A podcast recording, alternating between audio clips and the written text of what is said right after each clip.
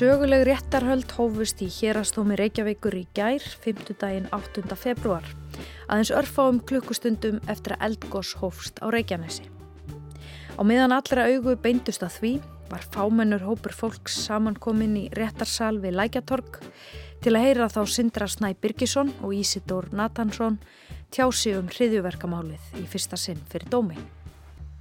Þeir eru ákjærðir fyrir ímis vopnalaga brot og brot á hriðiverka ákvæði hegningalaga.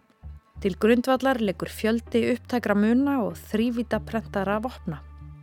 En aðalega voru það samskipti þeirra Sindra og Ísidórs á spjallforritinu Signal sem vöktu óhug og grunnsendir lauruglu. Rúmlega 500 dögum eftir handtöku þeirra var loks komið að því að heyra þessa ungu menn svara spurningum um hvað þeim gekk til. Mál þeirra hefur velkst um í kerfinu í langan tíma. Fyrri ákjæru gegn þeim var vísa frá hérastómi og landsrétti. Þá var ákjært á ný og svo hófst aðalmeðferðin í málið þeirra þennan ískalda 50. morgun. Korki verjendunir Sveitn Andri Sveinsson og Einar Róttur Sigursson, nýje saksóknarinn Karl Ingi Vilbergsson, hafa reynslu af málflutningi af þessu tægi. Það er varlega hægt að segja að Íslands réttakerfi hafi fengist við hriðuverkamál áður. Þeir Sindri og Ísidór eru reyndar ekki sagaður um að hafa framið hriðiverk, heldur snýst máli gegn þeim um. Hvort að Sindri hafi raunverulega uh, verið að skipulegja hriðiverk og hvort að Ísidór hafi vitað því og verið að hvetjan til þess. Hmm. Um það snýst þetta mál. Þetta er Freyr Gíja Gunnarsson, fréttamaður á Rúf sem hefur fyllt þessu máli frá upphafi og hefur fjallað um það í þessum þætti áður. Ég heiti Þóra Tómasdóttir og ætla að ræða við hann um sagbortningana í hriðiverkamálinu. Freyr Gíja, það er komið hátegislið í hérastum Reykjavíkur Já. og við höfum í fyrsta skipti heyrt ákjærðu lýsa afstöðu sinni til ákjærna. Hvað getur þú sagt mér um svona fyrsta hluta þess? Þetta sko, þetta hóst bara snemma í morgun, kortir yfir nýju og, og svona eins og aðanmeðferði er að þá þarf að fara yfir alla ákjörliði og saksóknarni byrjaði nú á svona þeim ákjörliðum sem hafa vakið hvað minnstu aðtikluna kannski í fjölmjölum það er þessi vopnalaga brot, vopna framleysla, vopna sala og þetta tók drúan tíma þannig að þegar tveir og hálfur tími var liðin á skýslutökunni að þá var nú kannski komið að svona því sem hefur vakið kannski hvað mestu aðtikluna allavega í fjölmjölum og það eru þessi samskipti syndra og og Ísidórs sem að þeir áttu á, á signal og eru svona hvað getur við sagt þeir haldaði fram að þetta sé fýblaskapur og sett fram í gríni og sem bara til marsum svartan húmor þeirra á milli. En, en saksóknar er nú ekkert sammóla því. Og þar eru þeir að ræða um þekta hriðiverkamenn aðferðir við að gera skotvopn og bissukúlur já, hættulegri en þar eru í raun og veru. Já, og, og af hverju var annar þeirra að leitað upplýsingum um ásatíð lauruglu eftir að það fengið sinnjun á umsóknum skotvopnarleifi eh, af hverju saðist annar þeirra að vilja drepa Solveig og Önnu Jónsdóttur formann eblingar hitt á þetta og, og þetta, það svona kannski var svona gegnum gangandi í, í skýslutökunni yfir syndarasnæðis er að, að þetta hafi bara verið bara fýblaskapur og þeir hafi ekkert verið að meina neitt með þessum, þessum ummælum og það er svona kannski það sem að saksóknari er að reyna að draga fram að, að það sé nú kannski ekki alveg rétt. Það eru þarna orð í samskiptum þeirra þar sem að ákerði lýsir í hans í svona einangrunar sinni og saksóknari reynir að fá fram viðþorfans til útlendinga á Íslandi og svo framvegis. Og hverju svarar hann spurningum um þetta? Hann og Ísidór eiga þarna í samræðum. Ég held að þessi Ísidór sem sendi honum mynd af ég held að sé einhver svona árás sem að tengdist útlendingum hérna á Íslandi og, og Ísidór skrifar það er ekkert skrítið að maður sé einangran, einangrana sinni og, og rasisti og Sindri svarar já það þarf að reynsa til og Sindri saðist nú ekkert hafa verið að meina það að hann ætlaði að fara að drepa einhvern og bendi nú saksóknunum á að Já, utarrikisráþara, eða honum fannst eins og utarrikisráþara hefði talað bara hreinlega á svipuðu nótum um útlendingamál, bara nýverið. Þeir hafa alveg játað, þú veist, vopnaframlegslu og, og, og hérna, einhverja vopnasölu en, en þetta, þessi, sko það sem að saksóknari segir vera eins og syndir er ákjærið fyrir tilraun til hriðjöverka eða vera, með, vera að undirbúa tilraun til hriðiverka Já, Sindri saði nú bara eiginlega strax í upphafi að það væri algjörlega galið að ákjæran fyrir slíkt. En það, það er ennþá nóg eftir. Og Ísidóra eftir að, að setjast í, í, í vittnarstúkuna og mér heyriðist nú á dómarunum að það er náttúrulega búið að bóka á þriðja tug vittna þannig að þeim finnst eins og þeir þurfa að klára þetta í dag og mér heyriðist þeir nú bara ætla að setja langt fram á kvöld við að klára skýslutökunar af þeim teimur.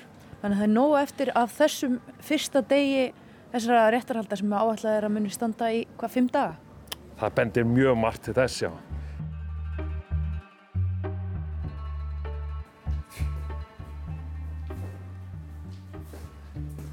Freyr, nú er Sindri búin að svara fyrir ákjæruna í, í nánast 8 klukkstundir. Mm -hmm. Er þú einhvers vísari eftir hans svör?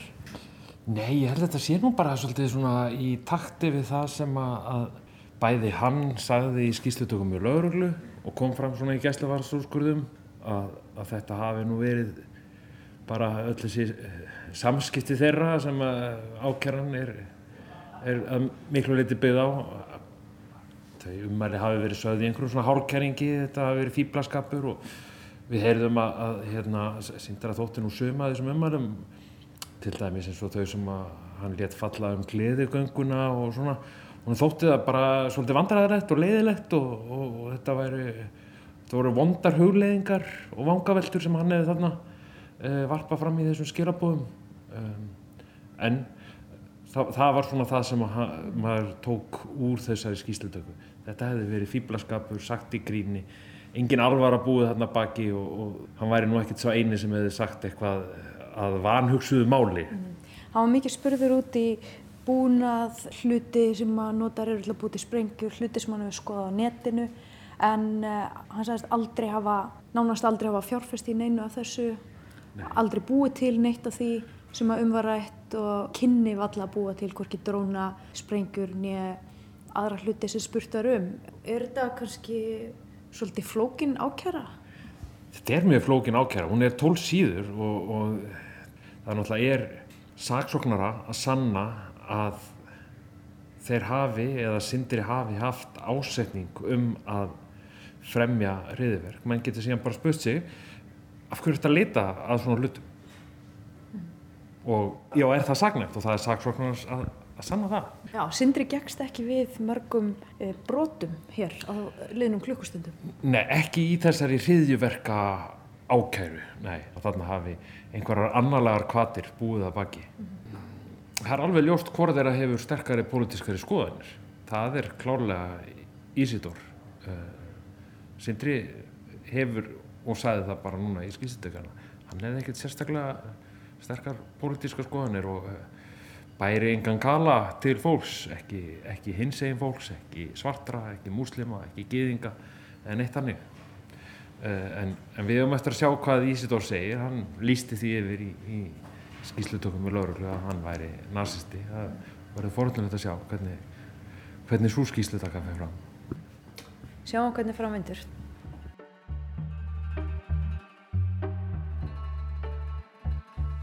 Freyr það er komið kvöld og þú ert nýkomin úr hérastómi og Ísidór hefur núna gefið sína skýrslu eða sínar skýringar. Hvernig kom hann fyrir, fyrir dómi? Ísidór var bara svolítið snirtilegu til fara. Hann var í svona blazerjakka, hvítir skýrtu, uh, hann talaði uh, rætt og látt. Maður fekk það nú strax á tilfinningunni að, að hérna, honum þætti nú ekki mikið til uh, ákjæruvaldsins koma og honum það svona sló næstu því í brínu með honum og saksóknar á eitt dómarinn þurfti nú svona aðeins að setja ofan í við hann. En sko Ísidor verðist hafa miklu svona sterkari pólitískar skoðanir. Bara gegst við því að hann væri einangrunar sinni, hann væri rasisti, það staðist nú ekki vera svona teiknimyndarasisti, þetta væri einhvers konar svona kynþáta uh, hatur í raunni, heldur þetta snýrist meira um sko innflytjendamál og hún er þóttið löggan til dæmis ekki taka næla vel á erlendu glæpahópum og... Er svo anduð í garð útlendinga. Já. Mm. En allt snýst þetta um hvort að þessi menn hafi verið líklegir til þess að fremja hriðverk, hvort þeir hafi haft ásetning, hvort þeir hafi verið að skipulegja hriðverk. Já, hvort, sagt, hvort að syndri hafi raunverulega uh, verið að skipulegja hriðverk og hvort að Ísidor hafi vitað því og verið að hvetjan til þess. Mm. Um það snýst þetta mál. Þetta er náttúrulega ótrúlega flókið fyrir, fyrir saksóknara að, að, að hérna, takast á við þetta verkefni og ég held við getum bara alveg gengið út frá því að þetta mál mun alltaf fara fyrir hæstaritt. Það er, það er svolítið langt tanga til að þessu máli er, er lokið og, og hérna, það hefur verið rifjað upp að það eru 504 dagar síðan að þeir voru handteknir í svona alveg opbúslega umfóngsmiklum aðgerðum. Það er, það er langt ánga til að endarlugur dómur gengur í þessu máli. Þannig að vera ákjara samkvæmt triðjöverka ákvæði hegningalagana ég, það er alveg pottitt fyrsta skipt sem þetta er gert. Hvað getur þú sagt mér um þessa, þessa menn? Þetta eru ungir menn sem að koma vel fyrir fyrir dómi, þeir eru vel að máli farnir, þeir eru snirtilegi til fara þeir eru báðir með mikla þekkingu á því sem að tala er um bissum, láðreglu, búnaði ímiðskonar hriðiverkum og, og stefnum hinn á þessa hriðiverka manna. En þegar þú setur þetta allt saman saman, þegar þú setur þessi ummælið þeirra og uh, bissueignir og skotvotnaframlæslu og þeir eru að googla alls konar hluti og þegar þú setur þetta allt í svona eitt stóran pott, þá færðu út ákveðna mynd. Já. Og hún mun teiknast upp á næstu dög. En það sem við sáum í dag voru svona fyrstu kynni af þessum mönnum. Þetta voru okkar fyrstu kynni af þeim, klárlega. Ja. Og það voru nokkri hlutir sem að ég hjó eftir, til dæmis sagði Sveitnandri verjandi Sindra að hann ætti, eða hann hjælti fram að Sindri ætti áfallasögu úr æsku. Og hvort að það hefði mótað hann eitthvað. Já. Hvernig fannst þér þetta augnablík? Hvað var að segja? Þannig að vera að gefa ákveðna hluti í skinn án þess að þeir væri útskýrðir eitthvað frekar. Nú eiga þeir náttúrulega eftir verjandurnir að, taka til máls í málflutningsræðin sínum og það er ekkit útlokað að, að Sveitnandri, verjandi Sindarsnæðis, komi bara hreinlega inn á þetta í, í sinni málflutningsræðu.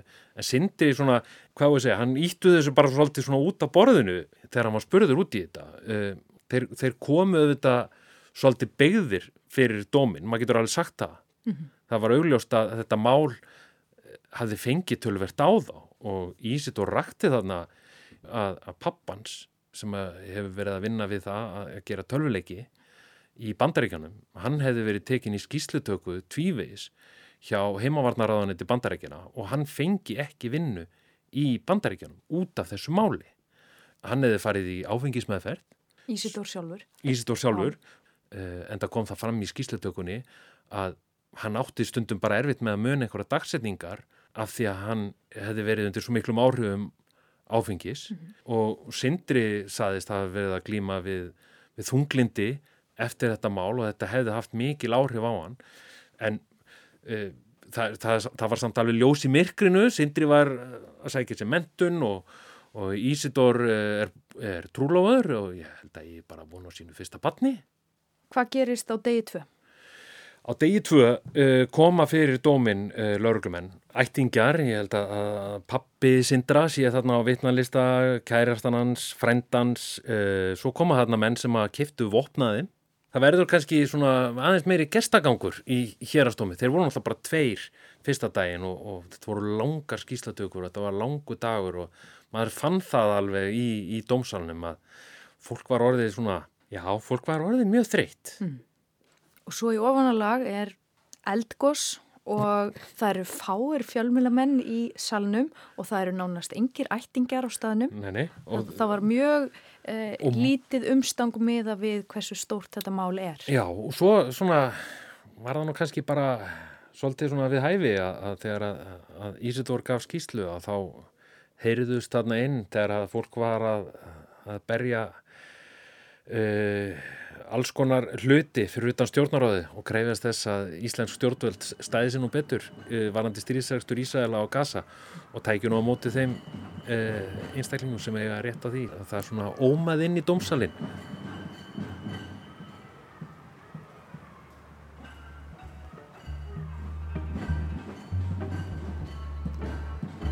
Þá verður helstið ekki lengra í dag, fréttastofa Rúf fylgist auðvita áfram með öllu sem gerist í þessu máli. Þóra Tómasdóttir þakkar ykkur fyrir samfélgina. Við heyrumst aftur eftir helgi.